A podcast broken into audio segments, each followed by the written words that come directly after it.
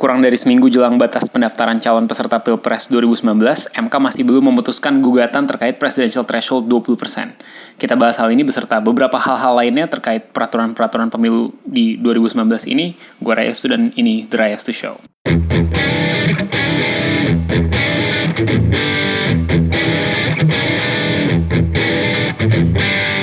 Oke, jadi ada beberapa hal nih sebenarnya yang lagi rame di MK terkait dengan pemilu dan pilpres 2019. Jadi ada ter perkara terkait uh, presidential threshold yang 20% itu lagi digugat. Terus kemarin juga ada gugatan terkait uh, wapres harusnya bisa dua kali uh, terpilih, lebih dari dua kali terpilih asal nggak berurutan. Ini udah diputuskan sama MK, uh, nggak bisa begitu, of course. Um, lalu juga ada hal lain yang sebenarnya menurut gue perlu digugat, yaitu parliamentary threshold yang 4% itu. Nah kita bahas satu-satu pada uh, edisi podcast kali ini. Nah yang pertama dulu, terkait presidential threshold 20%. Presidential, presidential threshold 20% ini artinya hanya partai-partai atau gabungan partai-partai yang memiliki suara lebih dari 20% di pemilihan legislatif yang bisa mencalonkan seseorang menjadi capres di Pilpres 2019 nanti. Masalahnya, kan nanti pilpres dan pileg itu akan dilakukannya bersamaan berbarengan jadi bukan udah ada pileg dulu lalu siapa yang dapat di atas 20% bisa mencalonkan nggak gitu. Tapi yang dipakai adalah hasil pemilihan legislatif 2014 kemarin. Nah, jadi kan partai-partai yang sekarang um, udah ikut pemilu 2014 dan udah mendapat 20% suara aja yang bisa mencalonkan wakilnya atau mencalonkan kadernya menjadi calon presiden. Nah, ini digugat karena dianggap tidak konstitusional gitu kan. Karena mengurangi hak warga negara yang nggak didukung partai-partai yang sekarang udah ada. Jadi eh, ini banyak nih yang menggugat ada sekitar belasan orang kalau nggak salah. Salah satunya ada Bushra Mukodas um, orang KPK ya tadi. Lalu ada Faisal Basri ada Rocky Gerung. Um, again sebenarnya gue jarang banget setuju sama Rocky Gerung. Kalau lu lihat podcast gue yang edisi ke 5 atau ke 6 pernah bahas tentang Rocky Gerung juga. Tapi kali ini gue setuju sama mereka dan gue akan jelaskan kenapa di edisi kali ini nih. Nah, sebenarnya dengan adanya aturan 20% ini tujuan utamanya itu kan sebenarnya adalah supaya um, siapa pun yang terpilih menjadi presiden punya dukungan yang cukup kuat di parlemen gitu dan ini udah berlangsung dari lama. Jadi dari pemilu-pemilu sebelumnya itu selalu begitu. Jadi selalu nggak bisa sembarang orang mengajukan diri jadi capres atau nggak bisa sembarang partai mencalonkan diri menjadi capres uh, mencalonkan diri mencalonkan kadernya untuk menjadi capres tapi harus mempunyai cukup suara di pemilihan legislatif sebelumnya gitu kan. Tapi um, yang sekarang nih bedanya adalah yang menentukan yang tadi gue bilang yang menentukan 20 persennya ini adalah hasil Pileg 2014. Nah ini kan sebenarnya suatu hal yang aneh banget gitu. Jadi 2014 misalnya gue milih partai A, sekarang kan belum tentu gue mau milih partai A itu lagi. Tapi karena 2014 gue milih partai A dan cukup banyak orang kayak gue, akhirnya partai A bisa mencalonkan calonnya menjadi presiden. Sementara kalau misalnya di 2019 ini ternyata yang banyak yang uh, lebih disukai adalah partai B, tapi partai B misalnya 2014 belum ada atau suaranya nggak cukup, dia nggak bisa mencalonkan kadernya untuk menjadi presiden gitu. Ya satu masalah yang penting adalah dalam lima tahun tuh pilihan orang bisa berubah banget. Dan sebenarnya salah satu mekanisme checks and balances dari demokrasi adalah kalau kita milih seseorang atau suatu partai di satu pemilu lalu ternyata mereka mengecewakan ya di lima tahun lagi kan kita bisa nggak milih mereka lagi kan? Kita pilih partai yang lain atau kita pastikan mereka nggak lolos lagi. Nah tapi ini, ini ternyata pilihan kita di 2014 justru yang menentukan apakah partai tersebut bisa mencalonkan diri uh, mencalonkan kadernya menjadi presiden. Padahal di 2014 kita nggak tahu hal itu. Kita nggak tahu bahwa memilih partai tersebut di 2014 berarti partai itu juga bisa mencalonkan kader yang menjadi presiden nggak hanya di pemilihan presiden 2014 tapi juga di pemilihan presiden 2019 gitu. Jadi ini uh, ini udah udah basi banget gitu ya. Pilihan gue di 2014 belum tentu adalah pilihan gue lagi sekarang gitu. Terus ini artinya juga um, partai baru tuh nggak akan bisa mencalonkan kadernya menjadi presiden. Ini beda dengan pemilu-pemilu sebelumnya. Belum pernah kejadian memang, tapi di pemilu-pemilu sebelumnya dari 2004, 2009, 2014, secara teknis kalau ada partai baru yang mencalonkan eh, yang lolos verifikasi dan masuk ke pemilu, lalu misalnya partai baru tersebut mendapat cukup banyak suara, partai baru itu sendiri bisa mencalonkan kadernya menjadi presiden. Oh ini udah terjadi deh mungkin Gerindra ya. Gerindra partai baru di 2009. dia sudah bisa eh, mencalonkan wakil presiden sih waktu itu ya. Tapi poinnya adalah partai baru kalau cukup banyak suara di pil di pilihan legislatif dia bisa mencalonkan kadernya menjadi presiden pada pemilu saat itu. Di 2019 ini nggak bisa. Kalau misalnya ada beberapa partai baru nih sekarang ada PSI, ada Partai Garuda, ada Partai uh, Berkarya, ada partai apa lagi? Perindo. Mereka nggak bisa mencalonkan kadernya menjadi presiden apa pun yang terjadi karena mereka belum punya 20% suara di Pileg 2014 2014 mereka belum ada gitu jadi ini nggak nggak demokratis dalam dalam sense itu ya harusnya bisa uh, orang-orang yang memiliki partai-partai tersebut bisa ikutan menggugat juga menjadi orang yang dirugikan karena dengan adanya aturan ini dengan ada kebijakan ini mereka jadi nggak bisa mencalonkan diri uh, di pemilu 2000 di Pilpres 2019 ini. Dan terus satu hal yang sangat sangat apa ya? agak bodoh sih sebenarnya adalah karena ini jadi berlawanan dengan tujuan awal adanya presidential threshold. Tujuan awal presidential threshold tadi gue udah bilang adalah supaya kita punya pemerintahan yang lebih stabil karena dipastikan siapa yang menjadi presiden dia juga punya dukungan yang cukup kuat di parlemen. Nah, tapi kan parlemennya akan berubah. kan pemilihan legislatif dan pemilihan presidennya berlangsung bersamaan nih.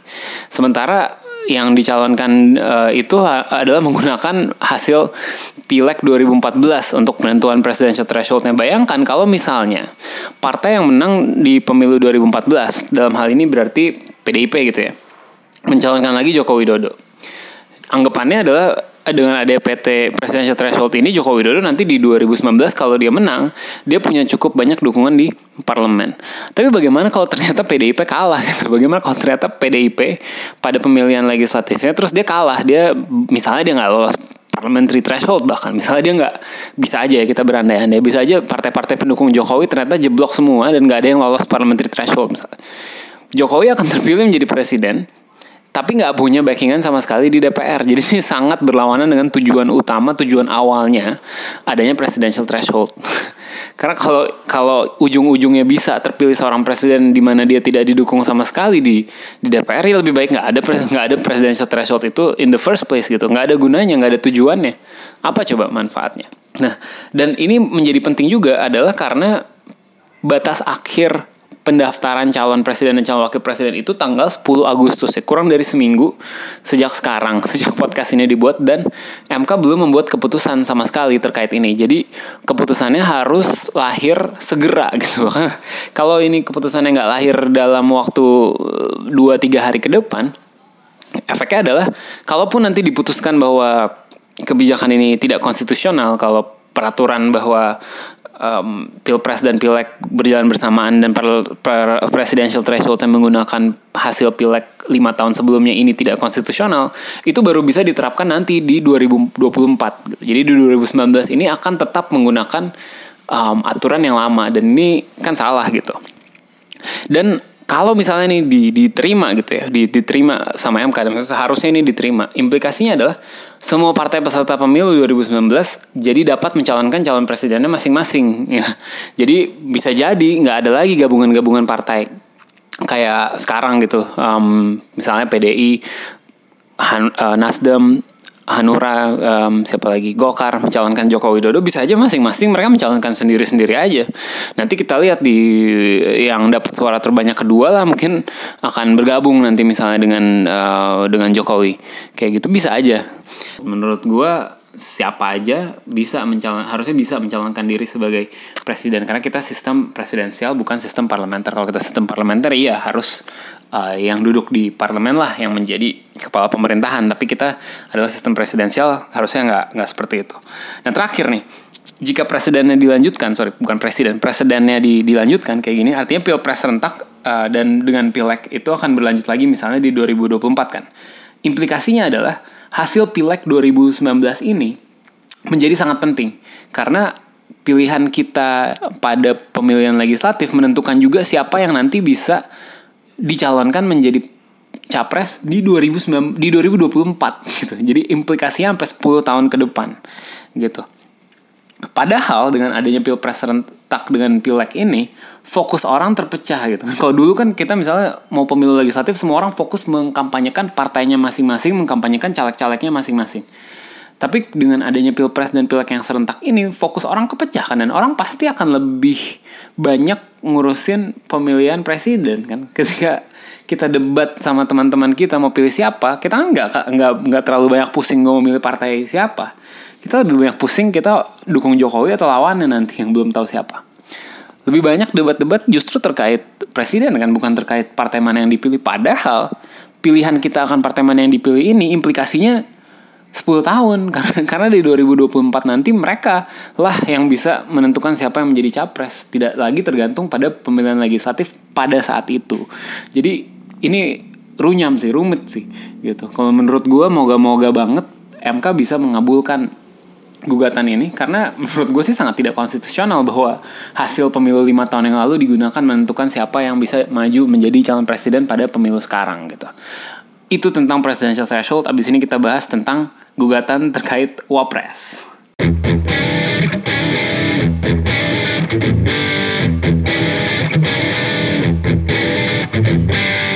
Oke, okay, nah pada saat podcast ini direkam, Mahkamah Konstitusi itu baru aja menolak gugatan terkait boleh tidaknya menjadi wapres lebih dari dua kali jika tidak berurutan. Nah, ini ini sebenarnya satu gugatan yang agak-agak lucu, agak-agak um, nice try kelihatannya. Jadi gugatan ini diajukan oleh Partai Perindo dan Wapres Yusuf Kala juga udah mengajukan diri sebagai pihak yang dirugikan gitu. Jadi gugatannya punya legal standing ya.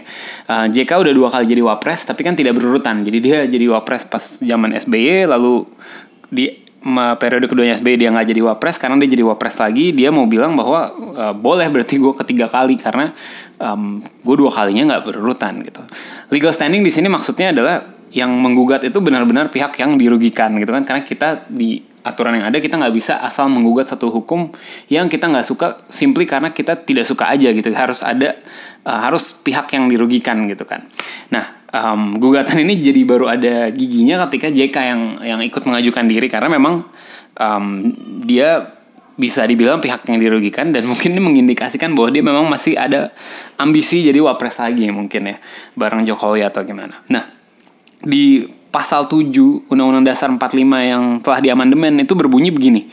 Presiden dan wakil presiden memegang jabatan selama lima tahun dan sesudahnya dapat dipilih kembali untuk jabatan yang sama hanya untuk satu kali masa jabatan. Nah, ini didebatkan oleh yang melakukan permohonan uh, uji materi ini adalah dipilih kembali, artinya dipilih kembali langsung setelah periode tersebut. Nah, JK ini kan tidak dipilih kembali langsung setelah masa yang pertama.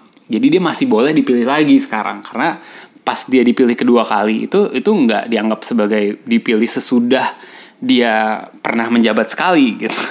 Jadi ini ini yang yang logika yang coba di di dipakai oleh orang-orang yang mengajukan gugatan ini gitu.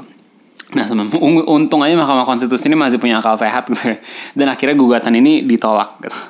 Karena ya kita nggak walaupun kata-katanya ini mungkin masih bisa dianggap agak kurang jelas gitu ya. Dan MK diminta menginterpretasikan ulang kan. Kita harus mikirin nggak uh, cuman kata-katanya aja kan. Nggak cuman literal teksnya aja.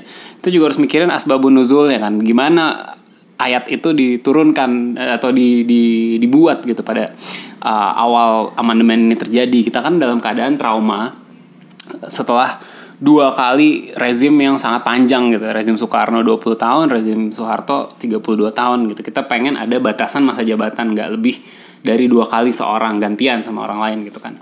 Jadi ya itu jelas lah harusnya ditolak gitu. Nah untungnya apa? Karena bukan untungnya sorry. Uh, implikasinya apa sebenarnya kalau misalnya MK kabulkan gugatannya uh, orang-orang ini? Implikasinya nggak cuma Pak JK yang bisa mengajukan diri lagi menjadi cawapres di 2019 ini, implikasinya SBY bisa maju lagi jadi calon presiden, ya kan? Karena kan ini satu di dalam satu um, pasal di UUD 45 itu disebutkannya bersamaan kan presiden dan wakil presiden. Um, jadi kalau misalnya gugatannya JK berhasil, nggak hanya buat wakil presiden harusnya, um, interpretasi baru M MK tersebut berlaku juga berlaku buat presiden. Artinya SBY bisa maju lagi gitu kan. Nggak bilang salah atau apa, tapi menurut gue nggak nggak nggak seharusnya di, dikabulkan oleh MK. Jadi bagus banget bahwa dia menolak. Nah, nah satu hal yang penting adalah ini lepas dari apakah menurut gue seharusnya ada batasan masa jabatan. Ini dua hal yang berbeda. Jadi menurut gue Mahkamah Konstitusi itu ya dia nggak berwenang untuk membuat peraturan baru. Ini kalau dia kabulkan, ini sama aja dia kayak membuat peraturan baru. Oh, um, UUD bilang enggak, tapi gue bilang iya gitu. Nggak boleh kayak gitu. Kalau misalnya memang kita mau mengubah peraturan yang ada sehingga um, presiden dan wakil presiden bisa dipilih lebih dari dua kali masa jabatan, ya itu nggak apa-apa tapi itu debat yang terpisah.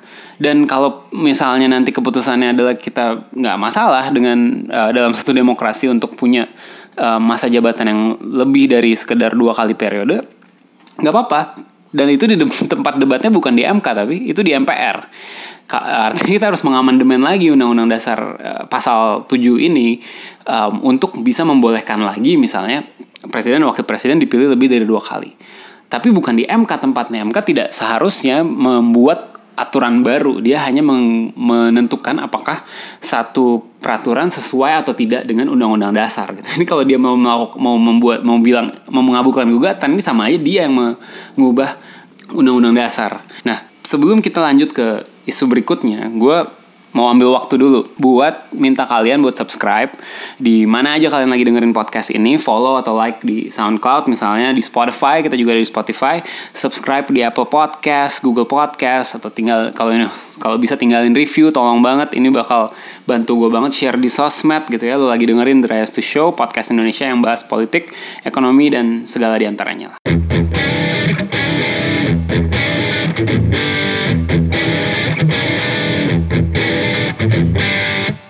Okay, terakhir gue mau bahas tentang parliamentary threshold nih. Ini jarang nggak nggak sebanyak seharusnya dibahas gitu ya. Jadi menurut gue harusnya justru ini yang paling uh, nggak demokratis dan paling nggak konstitusional gitu kan. Jadi kita punya sekarang aturan parliamentary threshold 4%. Sebelumnya gue jelasin dulu ya, maksudnya parliamentary threshold 4% adalah kalau kita memilih partai yang pada akhirnya dia tidak mendapatkan 4% suara secara nasional, berapapun kursi yang seharusnya dia dapatkan, itu hangus begitu aja. Jadi misalnya di satu daerah pemilihan semua kursi dari daerah pemilihan tersebut lari ke satu partai X. Dan partai itu tapi secara nasional tidak sampai 4%.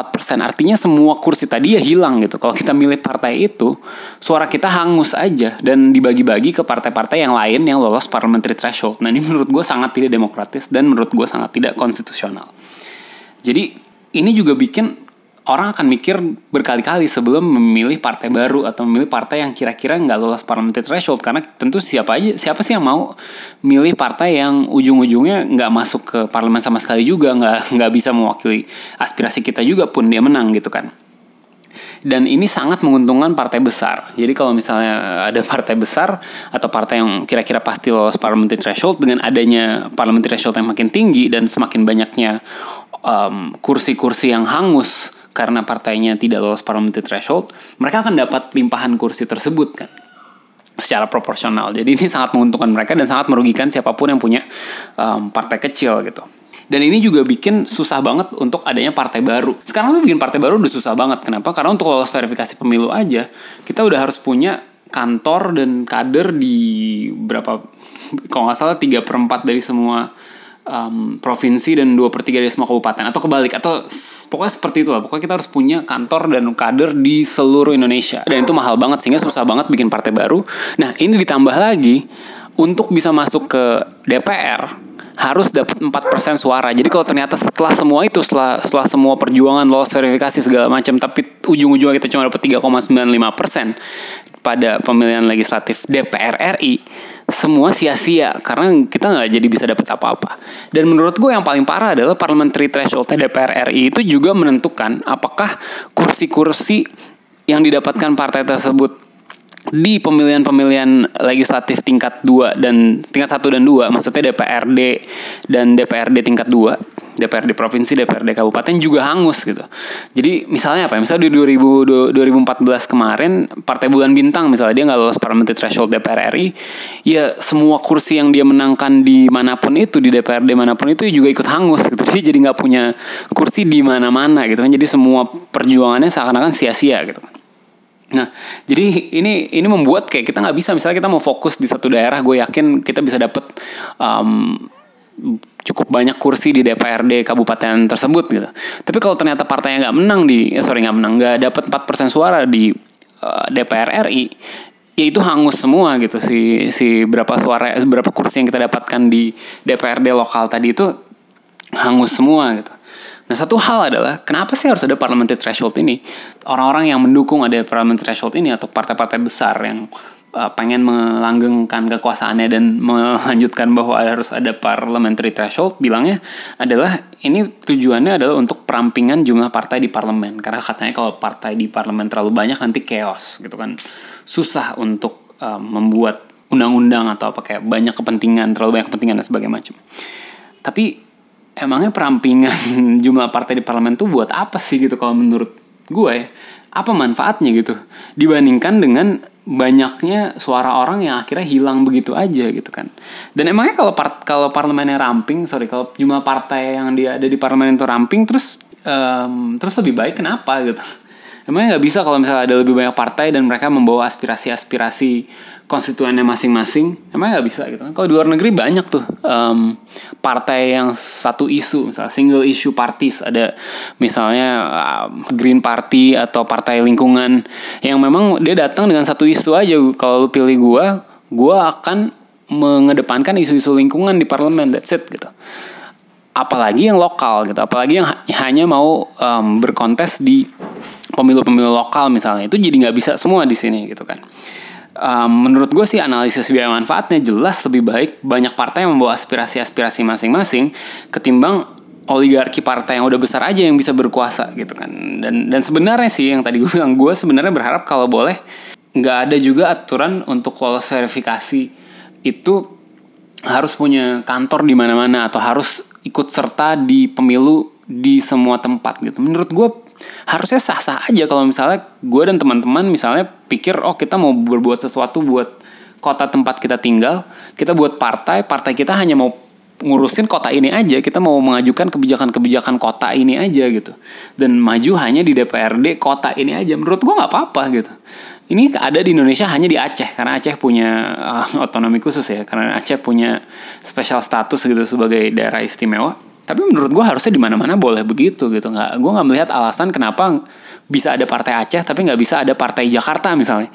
Yang hanya mau uh, berkontes di pileg di Jakarta aja.